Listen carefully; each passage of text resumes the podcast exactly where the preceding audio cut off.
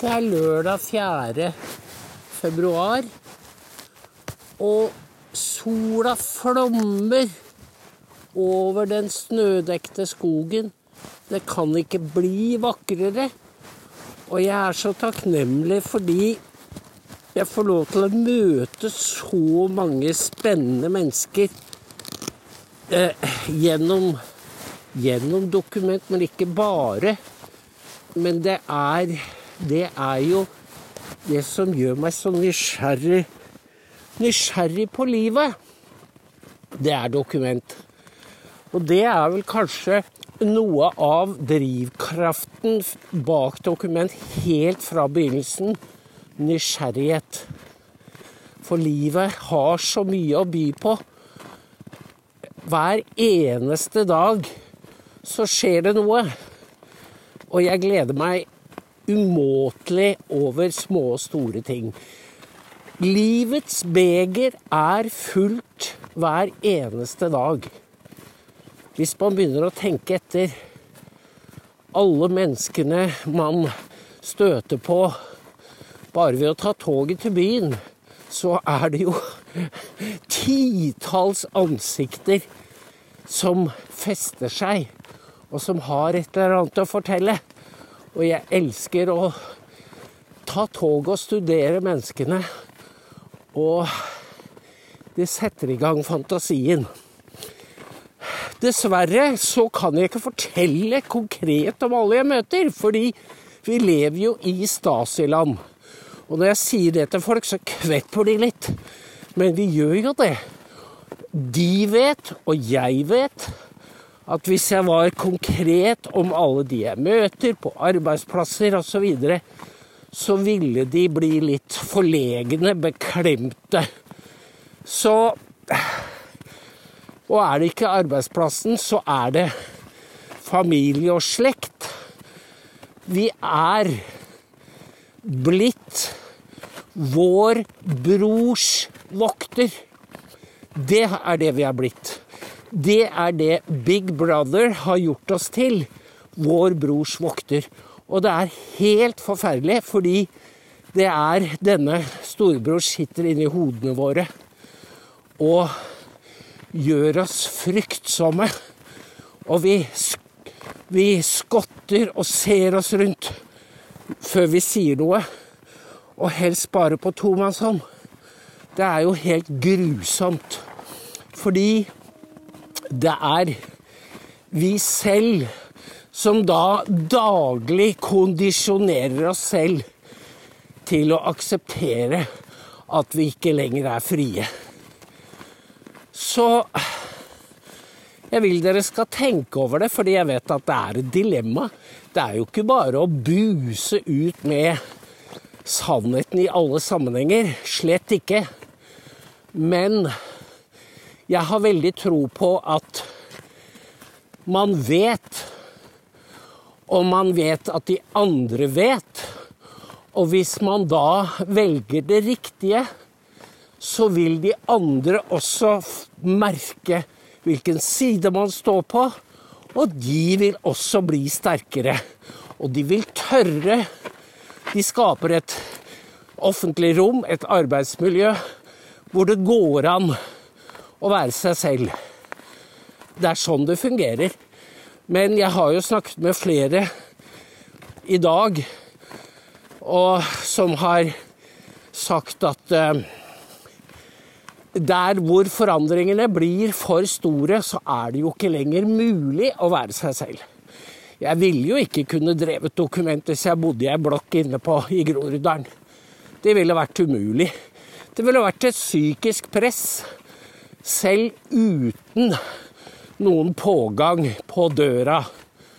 Eller Det ville jo etter hvert spredt seg hvem man var, hvor man bodde osv. Og, så og det det skulle ikke mye til å intimidere. Så det betyr at der er det ikke lenger Norge. Så vi må få folk til å forstå at hvis de vil bo i Norge, så må de forsvare det stykket Norge de bor på. Rett og slett. Fordi hvis det blir for mange med andre kulturer rundt en, så er det ikke lenger Norge. Jeg hørte jo i dag en helt rystende historie om fra Sverige som het sit-downs. Det hadde ikke jeg hørt om før. Hva er det? Jo, du driver et Du driver en forretning. Det kan jo være alt mulig. Og der kommer det da noen inn, representanter for det nye folket, og sier du, vi vil gjerne kjøpe forretningen din. Jaha. Og så tilbyr de en latterlig lav sum. Og du bare spør om de er riktig vel bevart, eller ja, avslår. Så dukker det opp La oss si det er en kafé. Så dukker det jo opp noen fra deres klan eller gruppe, og de befolker hele kafeen. Så bestiller de, eller tar de, et glass vann, og så sitter de der hele dagen. Og du har jo ikke myndighet eller kraft til å kaste dem ut fysisk, så Og politiet vil jo aldri finne på å gjøre noe med det. Så omsetningen synker som en sten. Og når dette har pågått en stund, så kaster eieren inn håndkleet og selger for en slikk og ingenting. Dette var jeg ikke klar over, fordi Og det minner meg om nazistenes overtagelse av jødisk eiendom. For det var på samme måte. De fikk en helt symbolsk sum av nazistene og ble tvunget til å akseptere, ellers ville de ikke fått noen ting. Og de ville i hvert fall ikke fått med seg verdiene ut av Tyskland. Og er dette sammenlignbart? Ja da, det er det fordi denne kollektive utpressingen er et gruppefenomen. Det handler om erobring av territorium for en bestemt kultur og religion. Dette vet alle som eh, er noenlunde oppegående. Så hva gjør vi? Jo, blir det for mange, så må man bare må man være forutseende og komme seg ut, enten det er eiendom eller forretning, næringsvirksomhet, mens man ennå kan. Eller så blir det spotpris. Og du kan ikke forvente at medier eller myndigheter eller noen kommer deg til hjelp. Så det som blir igjen, det er jo blodsbåndet mellom nordmenn. De som da vedkjenner seg at de er nordmenn. Og det er det jo mange som ikke gjør. De lukrerer på det norske. Men de vil ikke bidra til det. Tvert imot, de faller det i ryggen. Men det finnes fortsatt mange i Norge som er og vedstår seg det norske. Det er blodsbåndet mellom nordmenn, og det er tilhørigheten til, det, til territoriet. For disse er jo uløselig knyttet til hverandre. Jeg ser ikke for meg noe koloni av norske i utlandet som opprettholder det norske. Fordi det å være norsk er uløselig forbundet med norsk natur. Og derfor er det jo også denne vindmølleindustrien opprører så mange. Fordi det er en slags voldtekt av norsk natur på vegne av utlendinger og staten. Det er vemmelig, rett og slett. Så vi må ha alternativene klare for oss. Det er motstand eller underkastelse. Og dessverre så blir vi jo da presset fra flere kanter. Både våre egne myndigheter, fra hele eliten og fra MENA-kulturen og en bestemt religion. Men de fleste vet jo at det er slik det forholder seg. Så Men hvis du sier ja, men jeg kan ikke gjøre noe med det. Jo da, det kan du. Du kan gjøre mye med det. Du kan velge å ta parti for deg selv og dine etterkommere istedenfor de andre. Og de andre er ikke på din side, og de kommer ikke for å være venn med deg. De kommer for å overta deg og ditt. Det er en brutal sannhet, men det er bedre å se den i hvitøyet enn å leve på en løgn. Fordi da blir det veldig ubehagelig etter ganske kort tid. Og her er stikkordet tid. Fordi bare på tre-fire år så har nordmenn, eller Norge, forandret seg umåtelig. Og det samme har Sverige og Danmark. I Sverige har de mistet kontrollen. Og i Danmark så har faktisk politikerne kastet inn håndkleet. Det er bare dette NTB skriver om, er bare vrøvl. Nemlig at Mette Fredriksen har overtatt Dansk Folkepartis innvandringspolitikk, er bare tull. Danske partier har gjort knefall. De har kapitulert for at innvandringen er ustoppelig. Og de kan bare justere detaljer. Og det er eh, Danskene bor jo bare på noen haveflekker, så det gjør jo at folk blir Der nede blir folk motløse. Nordmenn føler de har noe mye, mye større i, i ryggen. Men eh, det er jo bare så lenge man forsvarer det. For også Norge kan overtas. Og da er jeg inne på denne historien fra Botkyrka, som er et menetekel.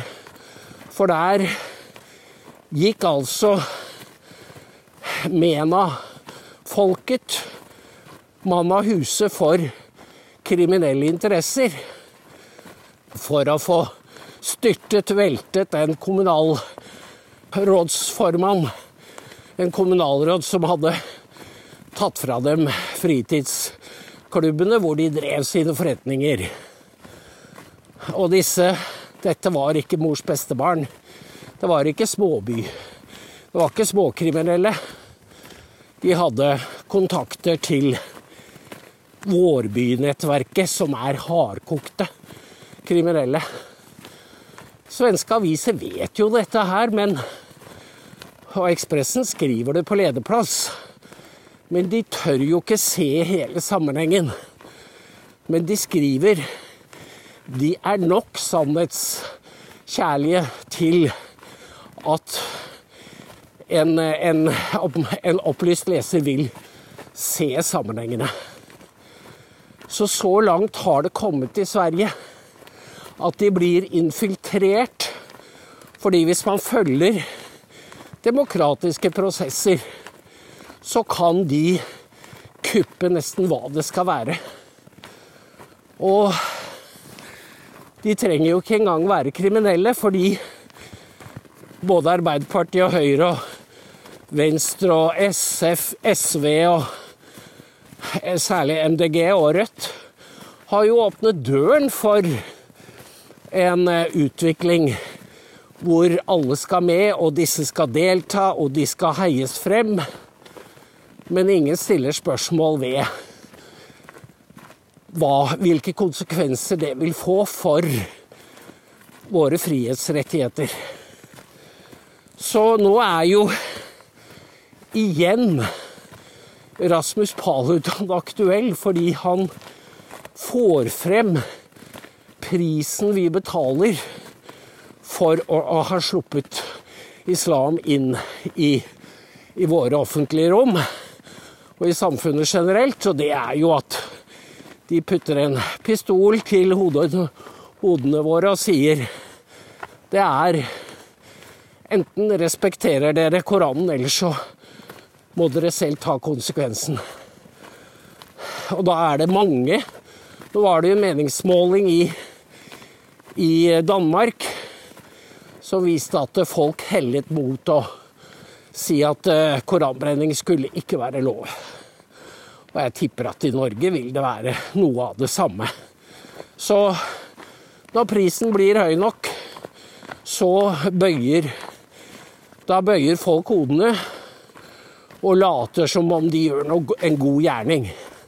Det er jo det. Altså hele den offentlige samtalen ligger opp til at du gjør en god ting når du bøyer av for voldsmenn. Og pressen unnlater jo å stille det spørsmålet i klartekst, men er ikke dette å bøye av for voldsmannens veto, som de kaller det i Danmark? Nei, det Slik beskrives det ikke i norske medier. Her er det hensynet og godheten som regjerer. Og da er det jo slik at de som da er mot eh, Paludans metoder Og jeg har ikke spesielt sans for dem, men det er jo hans motstandere som da ufrivillig gjør ham til en helt. Fordi han tør, og han er helt fryktløs. Og det var det egentlig jeg også tenkte og skrev etter karikaturstriden i 2005-2006 at OK, nå har dere stoppet munnen på den og den, Høybjørn Selbekk og flere, men hva gjør dere den dagen du dukker opp en, en eh, et barn som eh, i skoletimen tegner noe som sjokkerer lærerne? Fordi et barn vil ikke forstå hva, hva blasfemi er. Og hva skal dere gjøre da? Det er jo allerede et slikt trykk på barn fra de begynner i barnehagen. Men det vil oppstå. Det vil, er alltid unntak. Det er svarte svaner som dukker opp. Og hva gjør dere? Hva gjør det offentlige overformynderiet når ikke eh, overjeget fungerer? Og Paludan er jo et eksempel, for han er på mange måter som et barn. Han eh, Jeg tror han mangler litt et overjeg. Så her eh, Dette er Det er jo Erdogan som da gjør Gir Paludan berømmelse, rett og slett. Og selv liberalere i Danmark er jo veldig i tvil. For de forstår jo at det er ytringsfriheten som står på spill. Sånn er det. Vi lever i historiske og dramatiske tider. Og den som lever, får se. Men det er lurt å bruke hodet mens man har det.